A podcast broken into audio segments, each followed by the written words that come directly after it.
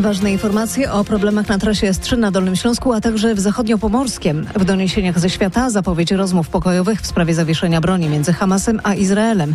W sporcie skoki w Lachti, w świecie ptaków niezwykłe wydarzenie. Sensacja na miarę y, tak naprawdę całego świata. Warto słuchać faktów do końca.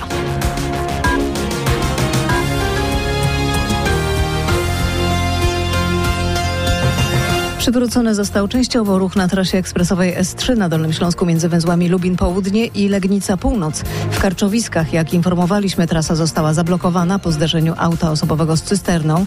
Nikomu nic się nie stało, ale z uszkodzonej cysterny wyciekało paliwo. Kierowcy nie muszą już korzystać z wyznaczonego objazdu. W kierunku Bolkowa można przejechać lewym pasem jezdni.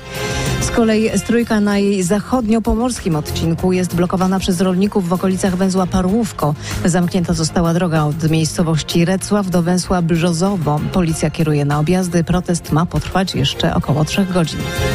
Tym żyje świat. Rozejm w strefie gazy będzie możliwy w ciągu 24-48 godzin, jeśli Izrael zaakceptuje nasze żądania, oświadczył w Kairze jeden z liderów Hamasu, cytowany przez agencję AFP. W stolicy Egiptu mają odbyć się rozmowy pokojowe w sprawie zawieszenia broni między Hamasem a Izraelem. Przybyły także delegacje Kataru i USA, które pośredniczą w rozmowach pokojowych.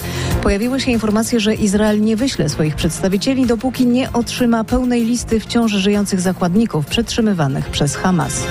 O rozejm w strefie gazy i natychmiastowe uwolnienie wszystkich zakładników zaapelował papież. Proszę, dosyć, zatrzymajcie się, wzywał Franciszek podczas spotkania na modlitwie Anioł Pański w Watykanie.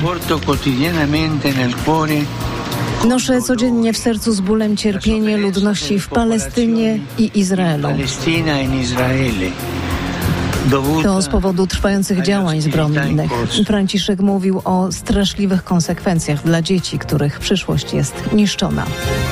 Historycy zdołali ustalić, do kogo należał XVI-wieczny pierścień znaleziony przez amatorskiego poszukiwacza skarbów i wystawiony na sprzedaż w Wielkiej Brytanii. Więcej o tym wie nasz londyński korespondent Bogdan Frymorgan. Złoty pierścień przeleżał pod ziemią kilkaset lat. Używany był do stawiania pieczęci. Analizując kombinację czterech różnych herbów, które na nim wyryto, historycy zdołali ustalić właścicielkę. Jest nią urodzona w 1594 roku Dorothy Ashfield, córka bogatego ziemianina.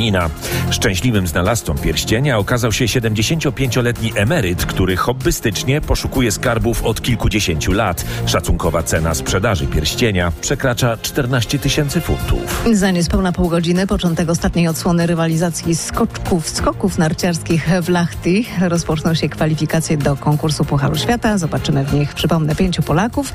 A zmagania na fińskiej skoczni będzie relacjonował Wojciech Marczyk z redakcji sportowej Tak jest, RMF FM. się Witam zgadza. cię, Wojtku. Witam. Po wczorajszym konkursie drużynowym przyznaję, chyba mogę mieć nadzieję, nie tylko ja, na dobry wynik także dziś.